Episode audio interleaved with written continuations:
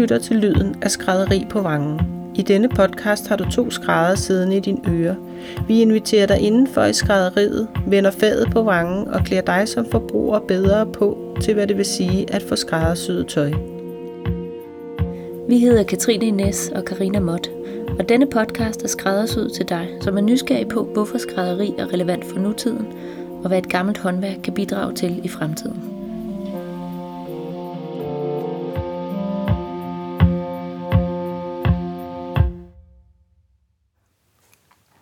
Hej Karina. Hej Katrine. Lang tid siden? Det er mega lang tid siden, synes jeg. Der har, øh, der har lige været en sommerferie, og øh, sådan øh, totalt meget øh, andet oven i hinanden, og vi har bare haft travlt begge to. Og, så ja, der gik altså lige lidt tid. Men nu er vi øh, rykket ud af prøverummet. Ja, nu er vi stukket af. Vi er stukket af op i skoven i sommerhus. Ja. Og så kan vi forhåbentlig få optaget noget podcast. Ja. Ingen børn, ingen familie. Vi har taget en hund med, så det kan godt være, øh, at I kan høre lidt rumsteren lidt en gang imellem, men øh, ellers er det bare os. Og, øh, Og en masse nørdede emner, ja, vi har taget med. i dag der skal vi tale om materialerne, om metervarer, om fibre, om egenskaber og om, øh, ja, Og der er jo utallige muligheder at vælge imellem. Lige præcis. Det er der nemlig. Og øh, jeg tænker, vi kaster os ud i det. Ja, lad os gøre det. Ja.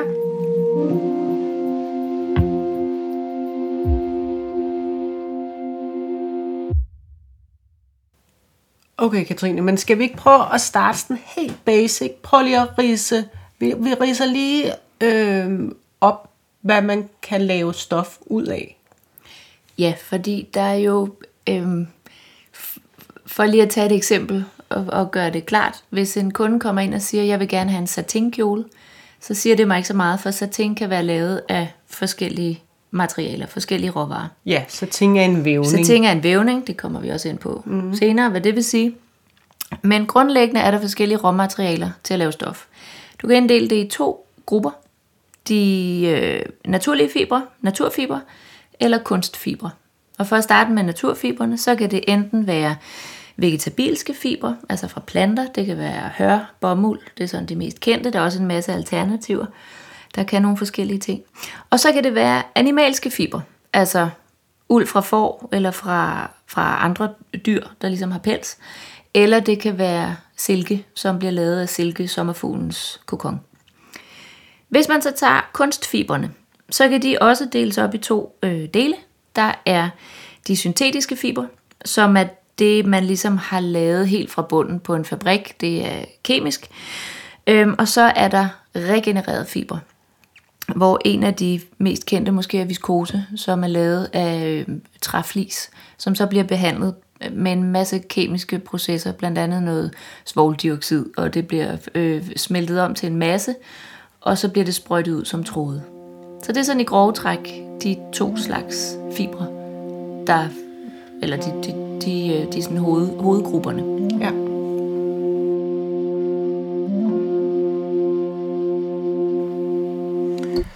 Nå, men Katrine, jeg har lavet en lille, et lille quizspørgsmål til dig. Ja. Ja. Du skal gætte, hvad du tror er den mest producerede fiber i verden. Hvad den er? Altså, umiddelbart vil jeg sige bomuld. Men jeg har nok en fornemmelse af, at det nok er noget kunst. Noget. Noget polyester. Jeg tænker, jeg tænker bomuld, fordi at det er ligesom sådan en basisvare i enhver garderobe, ikke? Altså underbukser, t-shirts, strømper og så videre. Håndklæder, viskestykker. Ja. Øhm, men jeg synes godt nok også, at polyester sniger sig ind i alt muligt. Ja, men du har fuldstændig ret. Polyester står for 50 procent 50. ja, af hele verdens tekstilproduktion. Bomuld står for 25 procent, og uld, dun og silke til sammen. Altså fordi vi, tager, vi taler tekstil, så vi taler også dun, som i dyner. Og, altså, hvis man forestiller sig alt det, det står kun for 3% af verdens tekstilproduktion. Det er facts for den bog, der hedder Vores Tøj, Verdens Ressourcer, som jeg virkelig kan anbefale øh, alle forbrugere skulle til at læse. Dels er der et spørgsmål om materialet, hvad det er lavet af. Mm. Der er vel også et spørgsmål om, hvordan det er vævet. Ja. Øhm, og det er der vel inden for, altså det er der meget inden for silkematerialer. Mm. Øhm, og det er det, der har indflydelse på, hvordan det ser ud. Ja, det tror jeg, der er inden for alle tekstiler. Jamen det er det vel ikke, fordi... vævningen giver jo virkelig en stor forskel i, hvordan det, er, hvordan det ser ud. Ikke? Og for lige at forklare vævning, hvordan skal vi gøre det? Jamen det Gennem er jo... radioen. yes, må vi skabe nogle billeder. Jamen altså, det er jo...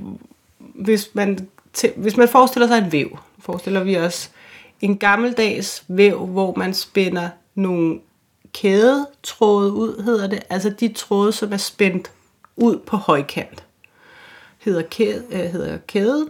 Og så er der nogle skudtråde, der bliver skudt ind øh, fra siderne På tværs. på tværs. Yep. Og der kan man gøre det på alle mulige forskellige måder. Man kan gå en over, en under, en over, en under.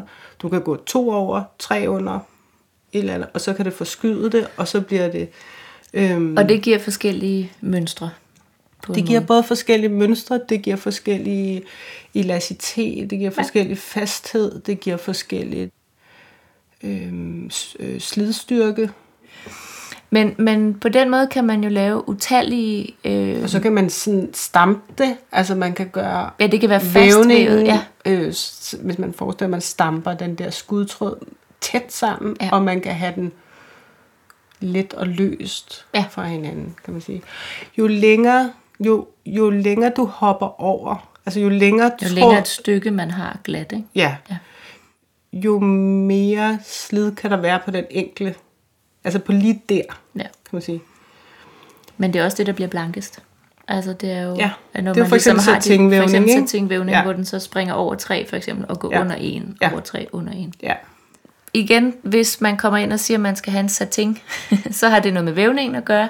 Det kan være lavet på alle, altså det kan være en forskellige øh, materialer. Men vævning og materiale er to forskellige ting. ja.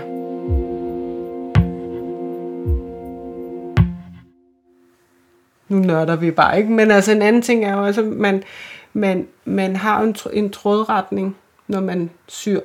Ja, Så lægger du altid din mønsterdel i trådretningen. ja hvis Og det er det det, er der er meningen. Men ja, Ja, men det, det du forholder dig til trådretning. Ja, og det er fordi din kædetråd, som er den, som er spændt ud på væven, altid vil, vil, vil falde lodret, eller hvad hedder det, efter tyngdekraften.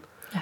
Den vil altid falde efter, ja, lodret, ikke? Så hvis du kommer for skade og lægger din mønsterdel skævt ja. Ja. i forhold til, altså hvis det ikke er meningen, så falder stoffet på en helt anden måde, Så end kan du det for gerne vil have det dreje. til. Yes. Og det er det, I måske har oplevet ved at måske have købt nogle øh, t-shirts eller billigt et eller andet, øh, hvor at mm, hvor i industrien, der, der, der klipper man eller skærer man en helt stak øh, oven på hinanden, og der kan lagene måske godt forskyde, og så er trådretningen ikke respekteret, sådan så at... Så efter første vask, så har du en skæv. Og det er simpelthen på grund af, af, at tråden vil falde øh, efter tyngdekraften. Ikke?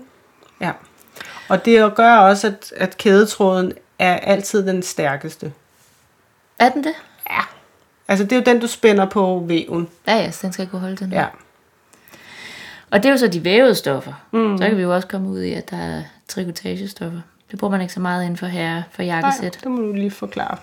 Trikotagestoffer, det er jo i princippet en strikket vare. Nå. Bare meget, meget, meget små masker. Hvis man forestiller at det er jo strikket på maskinen, kan man sige, ikke? Men mm. man kan forestille sig meget, meget små pinde. Og det er blandt andet det, som jersey-stoffer er lavet af. Og mange tænker, at jersey det er noget med noget elastan eller noget et eller andet kunstigt, og det er det faktisk ikke. Det er kun i kraft af, at det er øhm, en trikotagevare, at det er elastisk. Er det en vævning? Altså jersey er vel en vævning?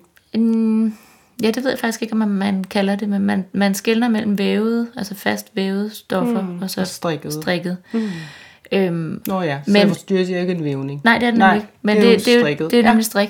Men jersey kan jo være silkejersey, eller ja. bomuldsjersey, eller øh, polyesterjersey, eller uldjersey. Eller, Det det. Og der kan det jo så igen have vidt forskellige egenskaber, men, men det får den her stræk.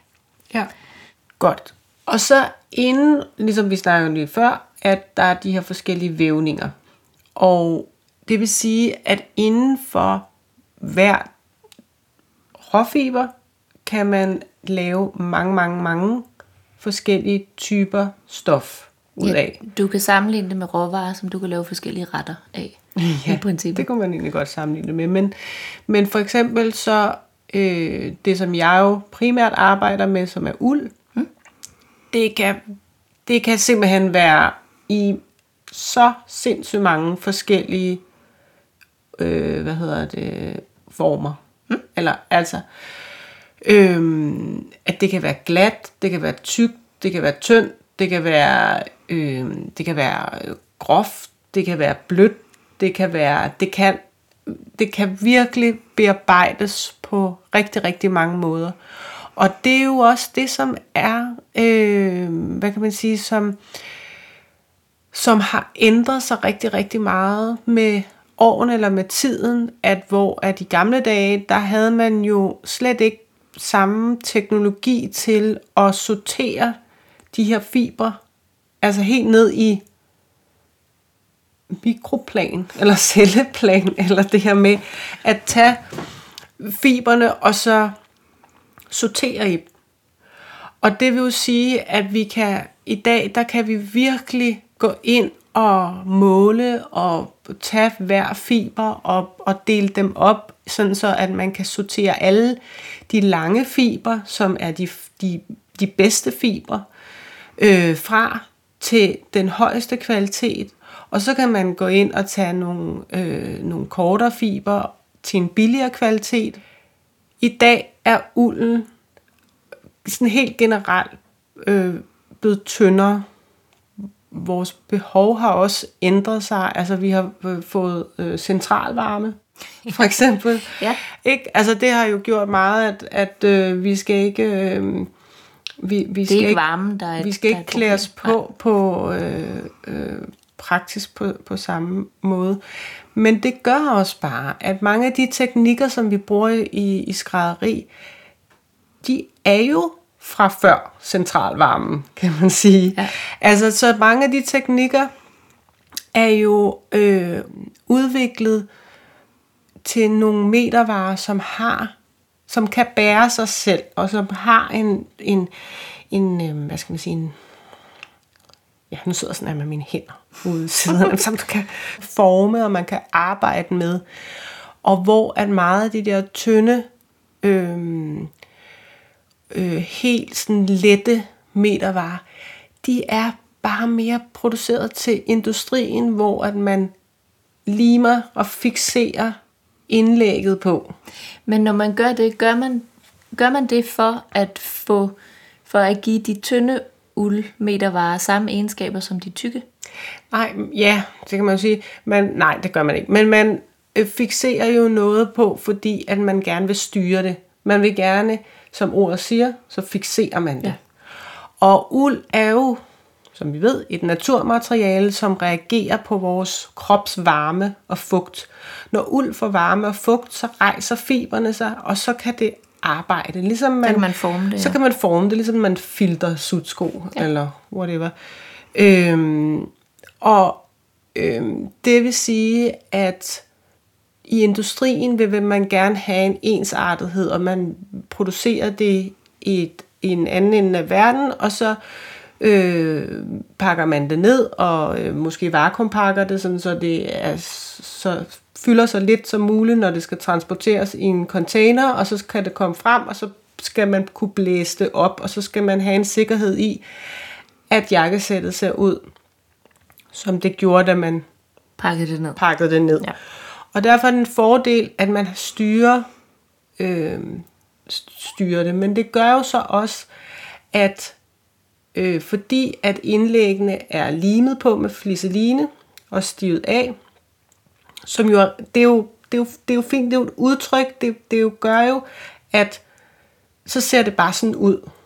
Altså for mig med mit faglige øje, så synes jeg, at det bliver sådan lidt mere dødt i udtrykket, fordi det netop er fixeret. Hvor imod at i skrædderi, øhm, der ligger vi de her indlæg løst i, og det som vi har snakket noget om, at, at man arbejder meget tredimensionelt med tøjet, og at man ligger indlæggene, øhm, som også er lavet af uld, og hestehår er det lavet af. Og så ligger man, altså man betrækker ligesom indlæggene, så, så indlæggene som bærer jakken, som ligesom er skelettet af jakken, er kun fæstnet i yderkanterne. Og det vil sige, at jakken kan, kan arbejde og kan forme sig. Den reagerer på din krops varme og fugt og dine bevægelser. Så du går en skræddersyet jakke til, ligesom du går et par gode lædersko til. Eller Også et naturmateriale. noget, noget som- andet, ja. som, kan, som, som når du varmer det op, kan forme sig og lægge sig efter din krop og blive mere personlig. Og det gør også, at det kan, at det kan holde sig smukkere øh, med årene. Altså hvor imod, når man fixerer noget, altså bruger fliseline med lim på, så har det der lim en vis levetid. Og lim øh, kan ikke lide varme og fugt. Når lim får varme og fugt, så slipper det jo ulden. Og, øh, og det, øh, det, det ser man jo nogle gange i jakkesæt, som, som måske øh, har været renset meget, eller som har været ude i regnvejr eller noget, så kan der komme sådan nogle bobler på, på, på forsiden. Og, det er svært at fikse? Og det er jo fordi limen er sluppet. Og, øhm, og det kan være svært at, og, og ligesom at, at, at presse flot tilbage, hvorimod at når, når det ikke er limet, så, øhm, så holder det sig flottere, hvad skal man sige, ikke? Men det er vel noget, som du siger med, at, at, at ved at putte fliseline på, man vil gerne styre det, man vil gerne fixere det. Mm. Det er jo noget med, at man på en måde arbejder mod ulden, frem for at arbejde med den. Ja, man styrer den, ikke?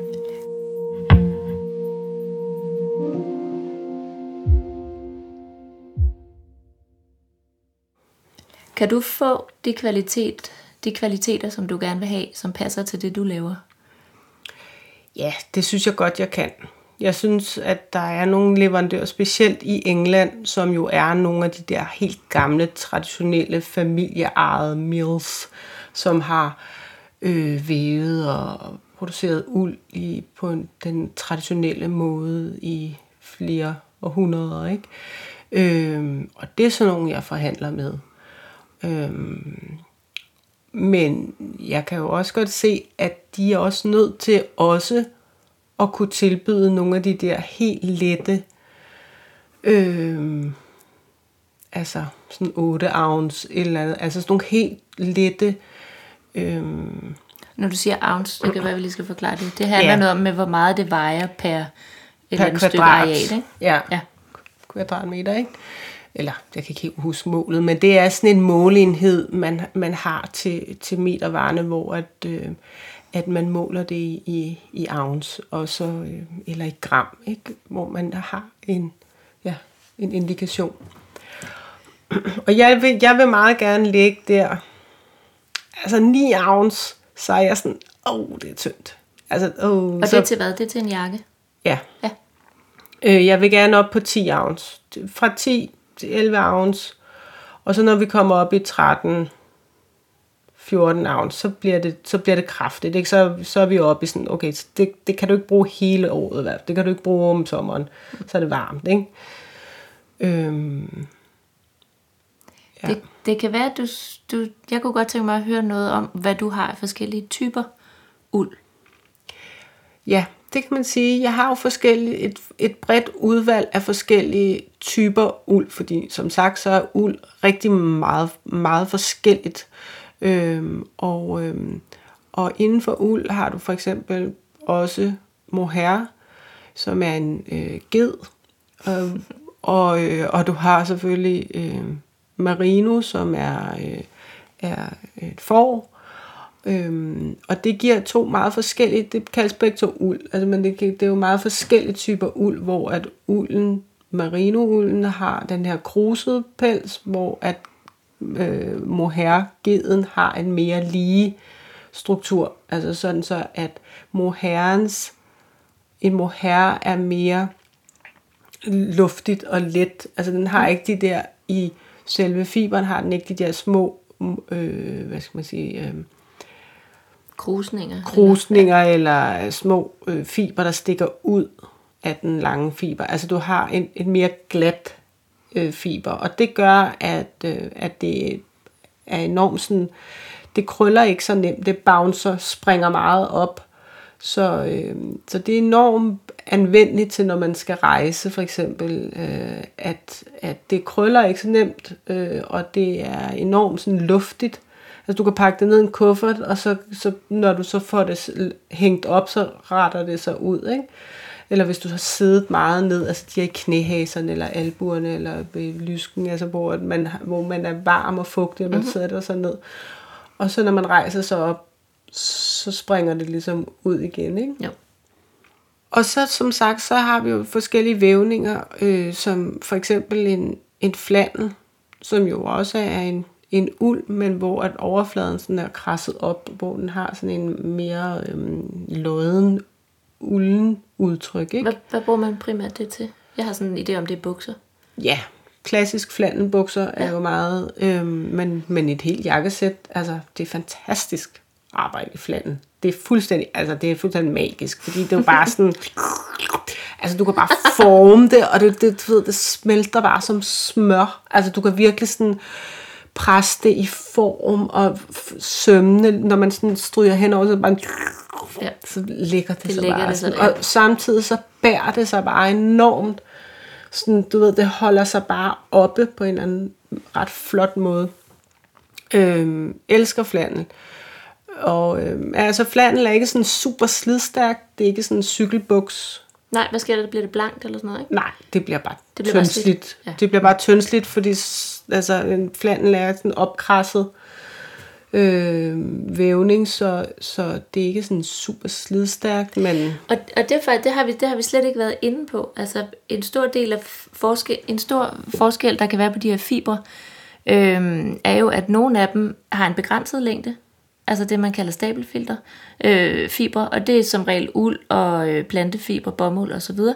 Og så er der de her syntetiske fibre, som jo faktisk kan produceres til at være uendeligt lange, fordi ja. det er bare et spørgsmål om, hvor meget plastik man hælder i formen. Ikke? jo, Øhm, og når du så siger, at en flandel for eksempel er opkrasset, ja, så tænker jeg, det må jo også have en, have en effekt på, hvor, hvor godt det holder. ja.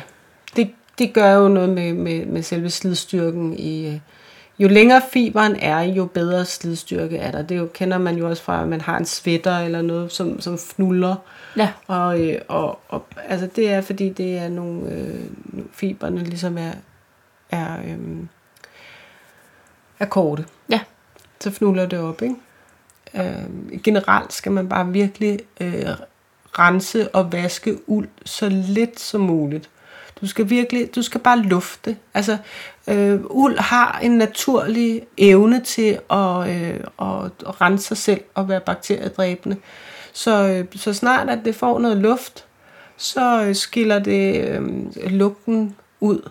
Og ofte så kan du bare børste, børste, Børste øh, snavset af, eller ja. hvis du har fået en plet, så lige pletrense det, i stedet for at, at få renset det hele, fordi at, øh, at når du går ind og renser det, så er det, du, øh, du tager mere og mere af den der øh, evne, som, som ulden har til at være selvrensende. Så øh, ja.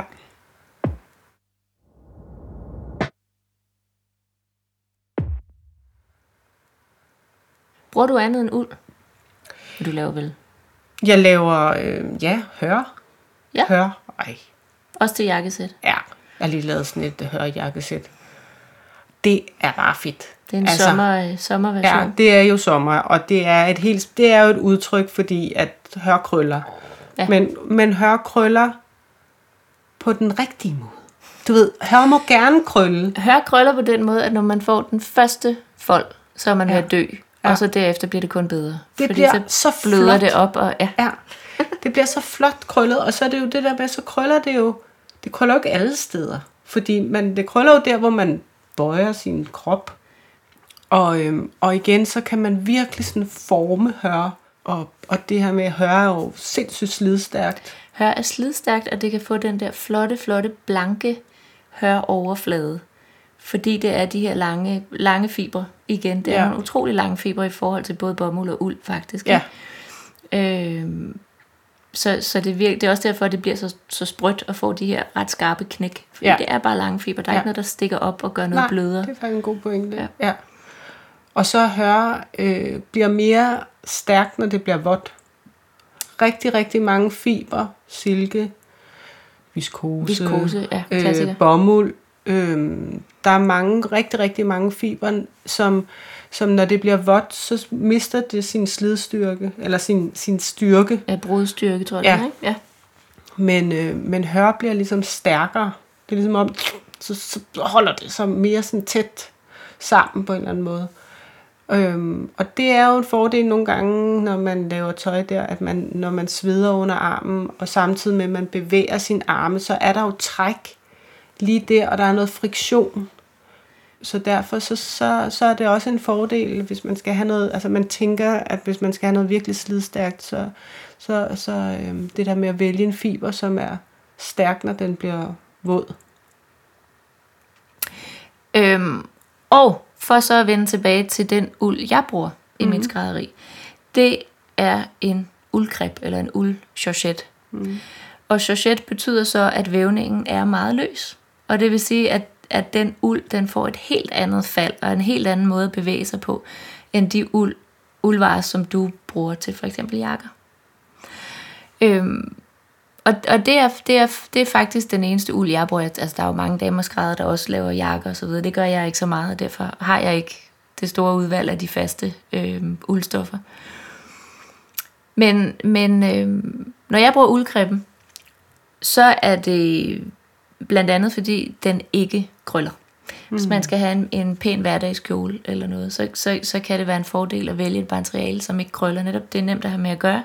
Man kan måske have det pakket ned, og man kan, kan nemmere tage det op, kan man sige.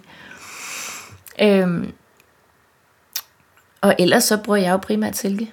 Ja, I alle mulige og det kan jo former. også fås i alverdens Al- tykkelser ja. og vævninger og, og Det kan det overfladebehandlinger. Ja. Og, Og det kan være, det kan være den klassiske satin, silkesatin.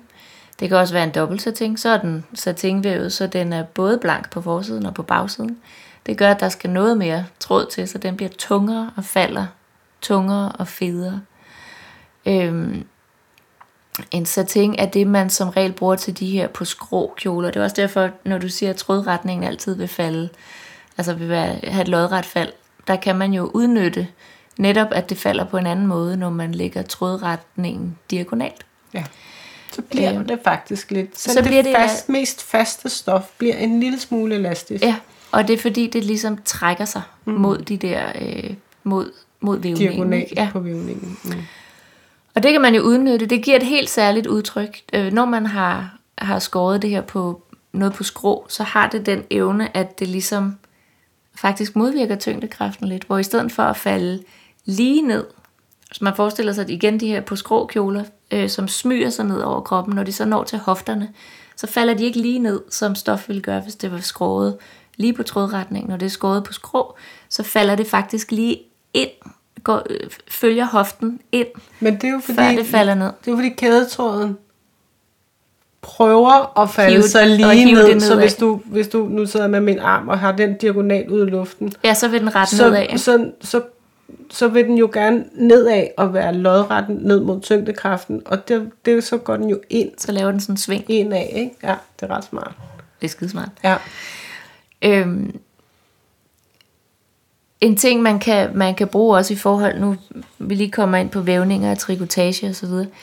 Øhm, jersey-stoffer kender man mest som bomulds-jersey til t-shirts. Men jeg bruger faktisk rigtig meget silke-jersey, Ja. som, som har alle de lækre kvaliteter, silken har. Og det er blankt, og det er lækkert, og det er tungt, og det falder helt anderledes end bomuld. Men fordi det er trikotage, så kan man lave for eksempel et rigtig tæt siddende ærme, og man kan stadig holde ud og bruge det. Mm. Stadig bukke armen, stadig bevæge sig i det. Når man skal vælge, øh, hvilken type materiale man skal bruge til for eksempel en kjole, øh, så er der jo dels øh, brus, altså hvad den skal bruges til. Det var lidt det, vi, vi var inde på i sidste afsnit. Øh, så man, hvis man ikke har hørt det, kan vi kun anbefale at gå tilbage og høre sidste afsnit af vores podcast. Som nemlig handlede om, hvordan man skal forberede sig til at gå til skrædderen. Men når man ligesom har gjort sig klart alle de her, øh, har gjort sig alle de her tanker om, hvordan kjolen skal bruges, eller tøjet skal bruges, øh, så kan man jo også gå ind og arbejde med, med silken, hvilket udtryk har det, og hvad vil man gerne udstråle med kjolen, og hvordan passer det til den kropstype, man nu har. Der, vi har jo før snakket om forskellen på herre- og dameskrædderi, ikke? med at en jakke har en rimelig øh, fast form, eller sådan fast øh, opskrift, kan man sige. Ikke? Mm. Hvor når du er ude i kjoler, så vil jeg våge at påstå, at der er nogle materialer, som enten er for tunge eller for lette til en persons, hvad skal man kalde det, karakter. Mm.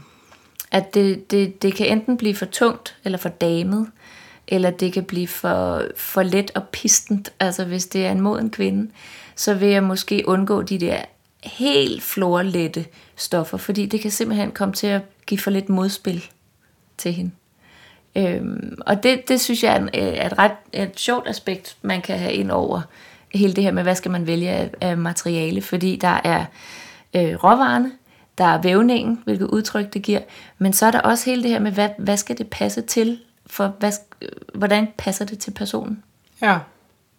Karakter. Karakter, ja. Stoffet ja. har en karakter, materialet har en karakter, og det skal selvfølgelig gå i spænd med den person, der skal bære det. Ja,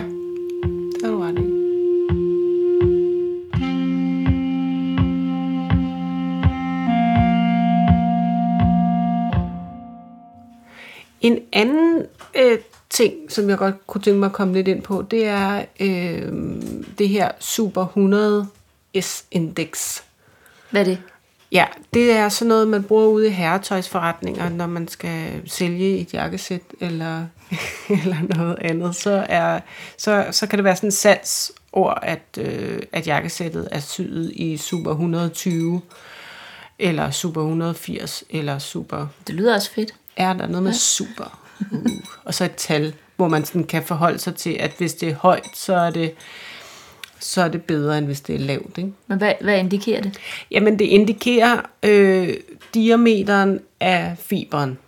Så jo højere tallet er, jo tyndere er fiberen. Og det er godt? Det er nej.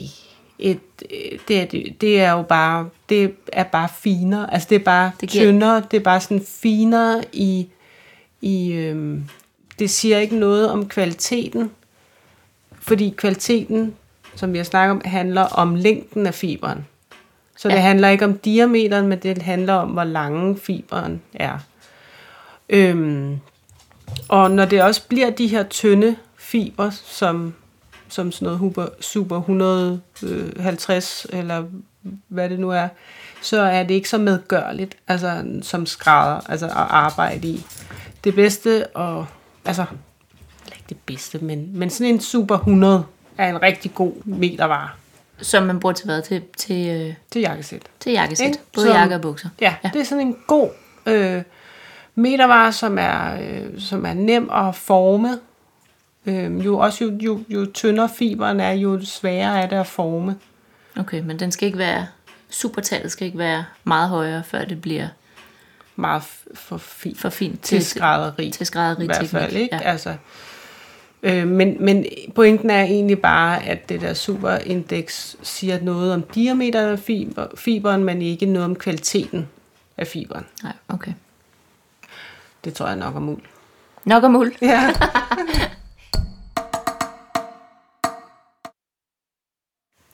Vi har jo en tradition for at hige og søge i de gamle bøger. Øhm, jeg fandt et, øh, jeg har et gammelt tekstil tekstilbogen hedder det, sådan en tekstilleksikon, hvor der var et meget fint afsnit om øh, silke. Så øh, nu synes jeg, du skal skrue din Lars Mikkelsen yeah. stemme på, og øh, måske kan vi få vores fantastiske lydtekniker Morten Svendstrup. Ja, jeg tager ikke noget korsang bagpå. Ja, noget stemning, noget, ja. Uh, eller noget kinesisk. Ja. Vi snakker med ham.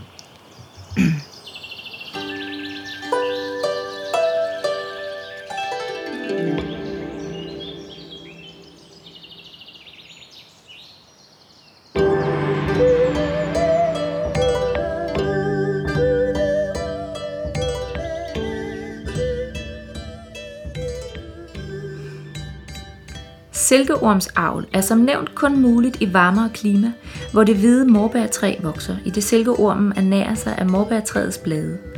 Den vilde silkeorm, eller egespinderen, lever af egeblade. Silkesommerfuglen er en gråhvid sommerfugl, som kun lever tre dage. Hunden lægger mellem 300 og 500 æg, som i reglen overvintrer. Ved løvspring udklækkes de af varmen, men ofte i en rugekasse. De små larver, som så kryber ud af æggene, må plejes og beskyttes og holdes rene og fodres meget omhyggeligt. De er ømfindtlige for temperaturforandringer og synes ikke om stærke lugte og tordenvejr. De vil have det rent omkring sig og er meget grådige. Larverne skifter hud fire gange i løbet af en måned og fortager i den tid et kvantum morbærblade, som vejer 30.000 gange larvens oprindelige vægt. Laverne er anbragt på bambusbakker, som er, lette, som er lette at holde rene og at forsyne med friske blade. Når laverne er blevet omkring 8-10 cm lange, begynder de at lede efter et sted, hvor de kan spinde sig ind i deres kokon. Avlerne fylder bakkerne med små kviste og strå, så alle laverne kan få en god plads at feste deres kokon på. Larvens krop er nu fyldt med en væske, fibroin, som den presser ud gennem to små huller på hovedets overside, og som den sammenfører med de to forreste ben. Væsken stivner i luften til en tynd dobbelttråd, der sammenholdes af silkelim, sericin. Larven fester nogle tråde på kryds og tværs mellem kvistene og begynder derefter at bevæge hovedet, dels i ottetaller og dels omkring sig selv. Fibrene klæbes sammen ved hjælp af silkelimen, eller sericinet, som afsondres samtidig. Til sidst har den frembragt en beskyttende væg omkring sig i form af en kokon, som er mellem 2 og 3 cm lang og 1 til 1,5 cm i tværsnit, og hvid, gullig, grålig beige, grønlig eller rødlig af farve, alt efter silkearten. Inde i kokongen ligger selve larven, som nu er skrumpet sammen til en puppe. I løbet af 15-20 dage udvikler den sig til en sommerfugl. Når sommerfuglen er færdigudviklet, afsondrer den en væske, som ætser hul på kokongen, og derfor må kun de kokonger udvikle sig helt, som skal producere sommerfugle til at lægge æg til næste sæson, mens de andre kokonger afhaspes for inden for at give første klasses silke. Afhaspningen foregår på den måde, at kokongerne lægges i varmt vand efter at være sorteret efter kvalitet, størrelse og farve. Det varme vand opløser silkelimen, så fibrene ikke klæber sammen – det yderste lag og de knækkede fiber børstes af med små børster, til man får en jævn fiber frem, som kan rulles af kokongen. Man sammenfører 3-15 stykker af disse fiber, som hver for sig jo er en dobbeltfiber, og hasper dem direkte op på hasper. Hvis silken er førsteklasses og afhaspningen foretages med forsigtighed, kan man få fibre på helt op til 5-700 meters længde. En kokon kan indeholde helt op til 3.500 eller 4.000 meter, men begyndelsen og enden giver ikke en så jævn fiber, og den er ofte afbrudt. Der er stadig meget lim på silketråden, og råsilken er grålig, ujævn og klæbrig og har slet ikke den smukke glans, som silken er berømt for. Den afkoges derfor helt eller delvis i sæbevand, enten på produktionsstedet eller i fabrikken.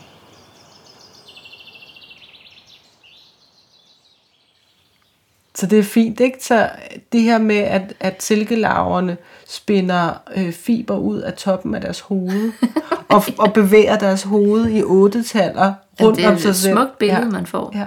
Og så ligger i den her puppe og, og udvikler sig til en sommerfugl. Og, og det er meget, natu- altså det er jo en meget naturlig proces, så det er den her larve, der laver alt det her silke. Øh, men det kan også komme i vælten. Der, der er jo, nu sagde du buzzword øh, Super 100 og så videre. Et buzzword inden for øh, silkeproduktion, det er sådan noget, der hedder peace silk, altså peace som fred, hvor der ligesom er nogle dyrerettighedsprincipper øh, ind over. Øh, og det, det hele går på, det er, at i denne her proces, den traditionelle silkeproduktion, hvor du koger kokongen eller putter den i varmt vand, før larven er udviklet til en sommerfugl og kravler ud så der dør det. Mm. Mm. I med. Hvad siger du? De, ja, de bliver kogt. De bliver kogt levende. Mm. Øhm, i det, inden for det her peace silk, der øh, lader man så øh, larven udvikle sig og kravle ud. Det er jo normalt kun noget, man gør ved dem, man gerne vil, vil bruge til at formere og lave nye øh, larver. Men her der får de alle sammen lov til at kravle ud af silken, eller af kokon, Øhm, og så skal de formere sig. Og hannerne, de bliver faktisk de bliver brugt igen og igen. De bliver frosset ned mellem hver parring. Øh, og så bliver de tøet op og brugt igen til avl. Mm. Og så, når de ikke kan mere, når fertiliteten ligesom falder, mm. så, øh, så bliver de slået ihjel, eller bliver, bliver ligesom smidt ud. Øhm, hunderne derimod, de får lov til at lægge æg, og det, det, så vidt jeg kan forstå ret systematisk, de får lov til at lægge æg til næste avl, hvor efter hunderne så bliver slået ihjel, undersøgt for, om de har sygdomme, og hvis de så har sygdomme, jamen, så bliver æggene så også destrueret. Så man kan sige, om det ene er mindre øh, cruel end, end det andet, ja. ved jeg ikke. Hvad vil du helst? Vil, vil, du koges, ja. vil du koges levende, eller fryse ned, og så vække og, vækkes og knalde, og så fryse ned igen, og så... Hvad er eller... det for et liv, Karina? Åh, det lyder ikke meget rart. Gør det ikke?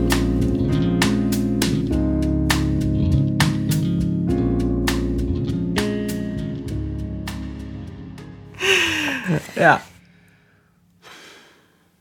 Der er så mange aspekter, man skal holde øje med, hvis, hvis det både skal produktionsmæssigt være forsvarligt og dyrerettighedsmæssigt være forsvarligt. Lige så snart der er en reel produktion, så sker der jo noget. Altså. Ja, og det er jo det, der er så irriterende. Ikke?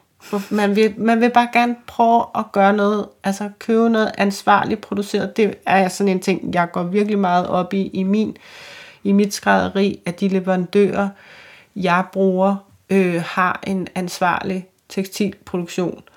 Øh, inden for uldproduktion er der en meget sådan debat om, om det her mulsing. Mulsing? Mulsing, øh, som er øh, også sådan noget dyre øh, velfærdsproblematik, fordi at mulsing, altså når man, når man producerer, altså når man øh, avler får til uldproduktion, så vil man gerne have, at fåret producerer så meget uld som muligt. Og derfor så har de fremavlet, øh, er normalt, at de har fremavlet får, har sådan meget, øh, hvad skal man sige, rynket øh, underhud. Ja, jo mere hud, jo flere hår. Ja, lige præcis. Og i øh, primært på enden af foråret, der, øh, der, der sætter sig så en masse fluer, og, øh, som lægger æg, tror jeg det er. Altså de, de, de æder øh, forårets øh, hud. Øh, og det vil man rigtig gerne undgå, så, øh, så man øh, spænder fårene op, og så øh, skærer man simpelthen det hud af, altså skalperer dem der øh, rundt om øh, øh, der rumpen. I, rumpen ikke? Og, øh, og, og så går, går, altså der er bare en masse billeder, klamme billeder af de her får, der er spændt helt ubehag, altså uden bedøvelse, og så Ad. går de rundt med det her kæmpe kødsår øh, bagefter. Og det er blandt andet sådan en ting, som jeg virkelig går op i, at de leverandører, jeg bruger, øh, ikke handler uld fra farme, som har den procedure. Øhm. Men der kan man sige, der er det mindste ret utvetydigt, om det er, om det er godt eller skidt, ikke? Jo, jo, det er jo heller ikke godt, at forne render rundt med de der fluer i numsen. Men, men, men der er udviklet øh, metoder, hvor at man øh, hvor at, at de fluer ikke sætter sig, og der er også beviser på, at de der store kødsår, de så render rundt med, også skaber alt muligt øh, jo, infektioner og, og sådan noget. Så, øh, så det er ret utvetydigt, at det skal man ikke gøre. Nej. Men øh, ja, så mulsingfri uld er vigtigt også øh, at, at spørge ind til.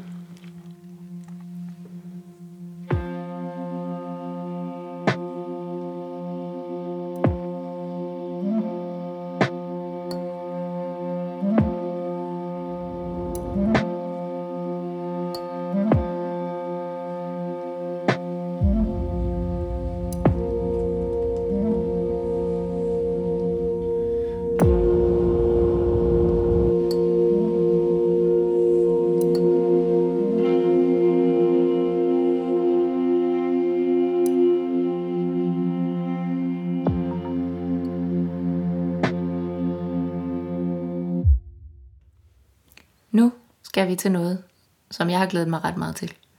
Hvad er det? Øh, noget med lyd. Hvordan lyder stof? Ja, Det er rigtigt. Det har vi snakket om, at vi skulle øh, prøve at se, om vi kunne optage, fordi vi har snakket meget her, altså nu har vi snakket tidligere om, hvordan falder stof, hvordan bærer stof sig, hvordan, Hvilket udtryk har det? hvilket udtryk har det, og, og øh, hvilket fasthed har det. Og det kan man faktisk høre Og på det, er jo stoffer. oplagt, og det er jo oplagt til et format som en podcast. Lige præcis, så kan I få det helt ind i jeres ører. Så nu giver vi jer stoffer i ørerne. Vil du starte? Ja, Hvad har du jeg taget godt. med? Jeg har taget en tweet med, og så har jeg taget en gabardine med. Altså to uldstoffer. To uldstoffer, mm-hmm. præcis. Og tweeten har jo den egenskab, at den er meget sådan rå og rustik, altså forårets hu- uld, eller altså ja, råforårets, eller forårets uld er meget sådan, har gået op i de her højsletter i vind og vejr og spist af øh, et helt rigtige bærbuske, og altså der er sådan helt øh, regler for, hvornår man må kalde det tweet. Øhm, og, øhm, og det indeholder også rigtig meget lanolin, altså den her fedtstof, som er omkring øh, øh, uld, altså i uld. Ikke? Prøv at høre det her.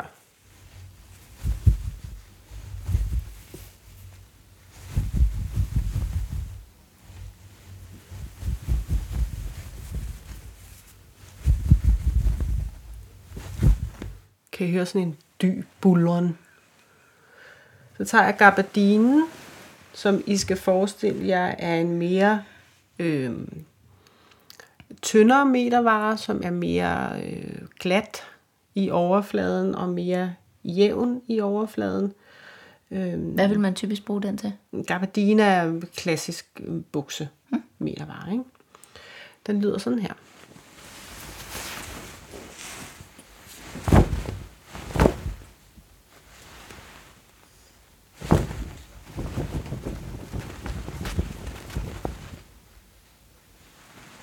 Kan I høre det?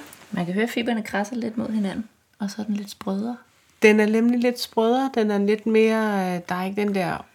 Den der øh, bulleren, som, som tweeten har, på grund af dens øh, fiber, der ligesom... Altså den der mere sådan, øh, rå struktur, hvor at den glatte, polerede garn er jo mere øh, crisp. Der er mere luft i en tweet, ikke? Altså, den er mere øh, hul. Og, Ja, mere hul, Ja. kan man sige. Må jeg prøve at klippe i den? Du må godt prøve at klippe. Jeg lover at klippe ud i kanten. Nu tager vi øh, gabardinen. Og det er jo en, det er jo en damesaks, jeg er med her. Ja, en lille jeg damesaks. min, min store skrædder, Ja. ja. så det, Vi prøver. ja. Igen den der crispy, mm. øh, crispy lyd. Skal vi se, om den kan noget Og så andet, den. prøver vi lige med, øh, med tweeten.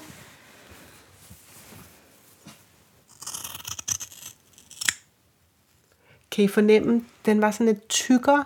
Der var, man kunne nærmest høre hver enkelt fiber, der sådan... tik, tik, tik. Ja, fordi at selve garnerne er, er, er tykkere. Og, ja. Hvad har du taget med, Katrine? Jeg har, det er faktisk to af sådan to standard øh, varer. Helt basis øh, varer i mit skrædderi. Det ene er en øh, silkesatin, helt let, som mm, hvis man forestiller sig en øh, silkenatkjole, sådan en på skrå med spaghetti-stropper. Falder helt tungt og blødt og glat. Øhm. men jeg ved ikke, om man faktisk kan høre, når man blafrer lidt.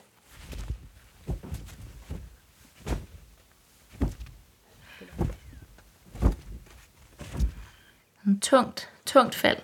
Og de kan jo få sådan nogle silkesatinger kan jo fås tungere endnu.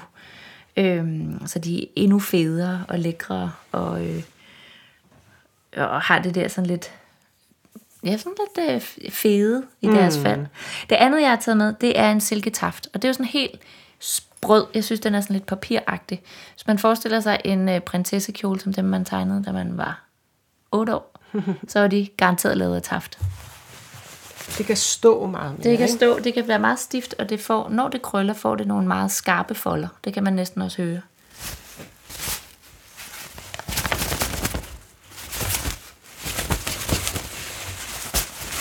Men Det falder næsten ikke. Det falder næsten ikke selv. Det står bare mere, ikke? Jo, og så er det meget den her lyd, ikke? Jo. Altså den her med, at man, Og det er der nogen, når der man gerne, bevæger sig, ikke? det er der nogen, der gerne vil have i brudekjoler. Ja. De vil sgu gerne have en kjole, der er stor og strutter, og den skal lyde præcis sådan der, når man går. Det har jeg hørt mange gange. Ja. Og så har jeg faktisk taget sådan en lille bonus en med. Nå. Og jeg vil ikke sige, hvad det er. Du kan se det, så du må ikke sige noget. Nej. Skal I se, om I kan lytte godt efter derude og forestille jer, hvad det her er.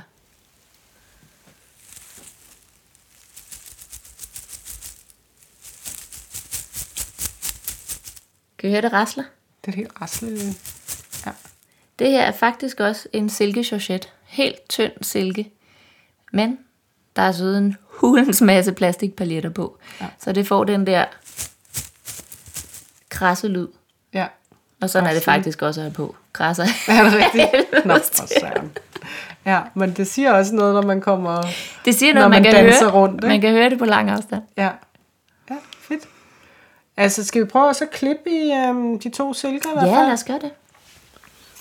Prøv at høre her. Oh. Ja, det, var lidt, øh, det var lidt finere end den der uld. Ja. Det var silkesatingen. Og så kommer taften. Kan I høre det? Der, der Der er er trådene meget mere sprøde.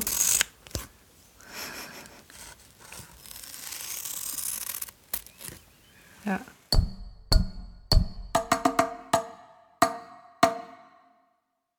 Altså, øh, jeg tænker, Karina, det bliver lidt svært at komme videre fra det her, fordi det bliver sgu nok ikke så meget mere nørdet, end at sidde og lytte til, hvordan det lyder at klippe i stof. Nej, respekt for jer, som er kommet så langt her i afsnittet. Hvis I er her endnu, så, øhm, så har vi bare lige en sidste ting, inden vi afrunder. Øhm, fordi jeg synes, at stof, som vi også har været inde på, har enormt meget karakter, og har enormt meget udtryk, øhm, og man signalerer, signalerer meget med de her forskellige stoffer. Så øh, jeg tænkte lidt, at, øh, at jeg synes, vi skal prøve at sætte nogle ord på, hvis, øh, hvis vi var et stykke stof. Hvilket stof? Hvad for et stof vil du så være, Katrine? Hvis du var et, et tekstil, hvad for et tekstil vil du være? Og jeg ville frygtelig gerne sige noget, der var smukt og luksuriøst og øhm, graciøst og alt muligt. Men det tror jeg sgu ikke helt passer. Altså, Nej. Jeg tror, jeg vil være en uldkrep. Ja, Jeg er, dels meget, jeg er meget glad for uldkrep. Uldkrep er et meget let materiale. Jeg bruger det både til kjoler og øh, tung, altså festbukser eller hverdagsbukser. Det er meget alsidigt. Jeg synes også, jeg, jeg kan være sådan lidt øh, både, til, både til det ene og til det andet. Øhm, uldkrep krøller ikke så lidt. nej. Øhm, og det er Og det, Det- kan give sig lidt. Det, det kan er, give sig lidt, og det er meget medgørligt, og det er, det er jeg sgu også. Det må jeg, det må jeg sige, altså. tror jeg faktisk ikke er helt ved siden af. Ja. Og bær så flot. Ja, det kan det, Ja. hvis det bliver behandlet ordentligt, ikke? Jo, en dobbelt. Jeg tror, du er en dobbelt. Du er en Men det kan godt være en dobbelt dobbeltkrep, Ja. og du er sød. Ja, ja sådan ekstra.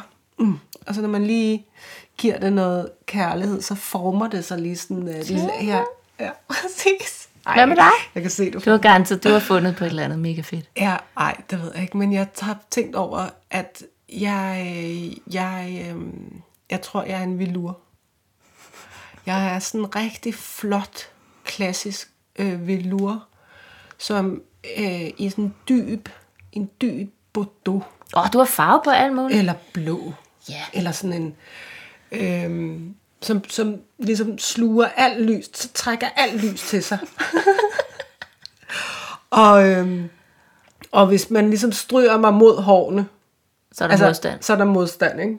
Jeg kan godt lide, at man bliver strøget med hårene. og, øhm, og, jeg kan, og jeg kan godt være lidt svær at, øh, at arbejde med, med, altså hvis man ikke er trænet. så, øh, så, så kan det godt være lidt svært at arbejde med mig. Skal lige have præpareret sømrummet, før man kan Præcis, få man det skal til at ligge på, pænt, når man, træ, når man presser mig, presser på mig, at man skal presse mig øh, blødt, og øh, man skal ikke presse for hårdt, fordi så, Så bliver så, flad. så bliver jeg flad. så, ja. men, Men jeg kan både bruges til den der flotte altså fest, hvor veluren virkelig sådan er elegant og aftenagtig. Men, øh, men det, kan også, det kan også være i, øh, i varianter af mere sådan fodformet, Ja. øh, naturagtig øh, udgave. ja, du har været spejder, har jeg fundet Ja, af. ja. Så jeg har, jeg, du ved, jeg har, jeg synes, jeg har alle de der, begge dele af den der øh, velour. Velour er flot. Jeg er faktisk i gang med at lave to forskellige velour-kjoler. En Ja. i koral og en i helt dyb flaskegrøn. Jamen Ah, velour, ikke? Det kan bare noget. det det, kan der med, noget. det der med, hvor det bare, altså lyset, der, der er ikke noget, der bliver skinnet tilbage. Det Ja, bliver bare men sådan mindre man slugt. vender det rigtigt jo. Altså, så, Ja, ja, man så skal have lune, det på den der. man skal lune opad, ikke? Sådan så, Skal man det i herskrædderi? Ja. Du skal fandme have dem ned af i dameskrædderi. Nej, Jo. er det rigtigt? Sådan, Jo. så, så skinner den jo. Ja, det skulle også det der er meningen. Nej, man skal da have den der dybde. Ej, Karina. Jo, jo, Ved du skal have den der dybde, sådan, så farven ligesom sådan træder frem, sådan, så der ikke er det der genspejl. Nå. Nej, nu slutter vi på en beef. Ja, okay. Det er fint. Ved du hvad, vi tager den for slukket mikrofon bagefter. Ja, det må vi gøre. Tak fordi I lyttede med. Ja, vi glæder dejligt os at til være i gang at, igen. øhm, at få feedback, og hvis I har nogle spørgsmål eller noget, så, øh, så skriv til os. For eksempel til, hvordan man vender velour. Og ellers så skriv lige ind på vores øh, Instagram eller på vores Facebook, hvad for en tekstil er I? Det synes jeg er fedt, hvis der kunne komme nogle øh, bud på det. Men øh, på genhør i næste afsnit, øh, til, næste afsnit, hvor vi skal snakke om måltagning.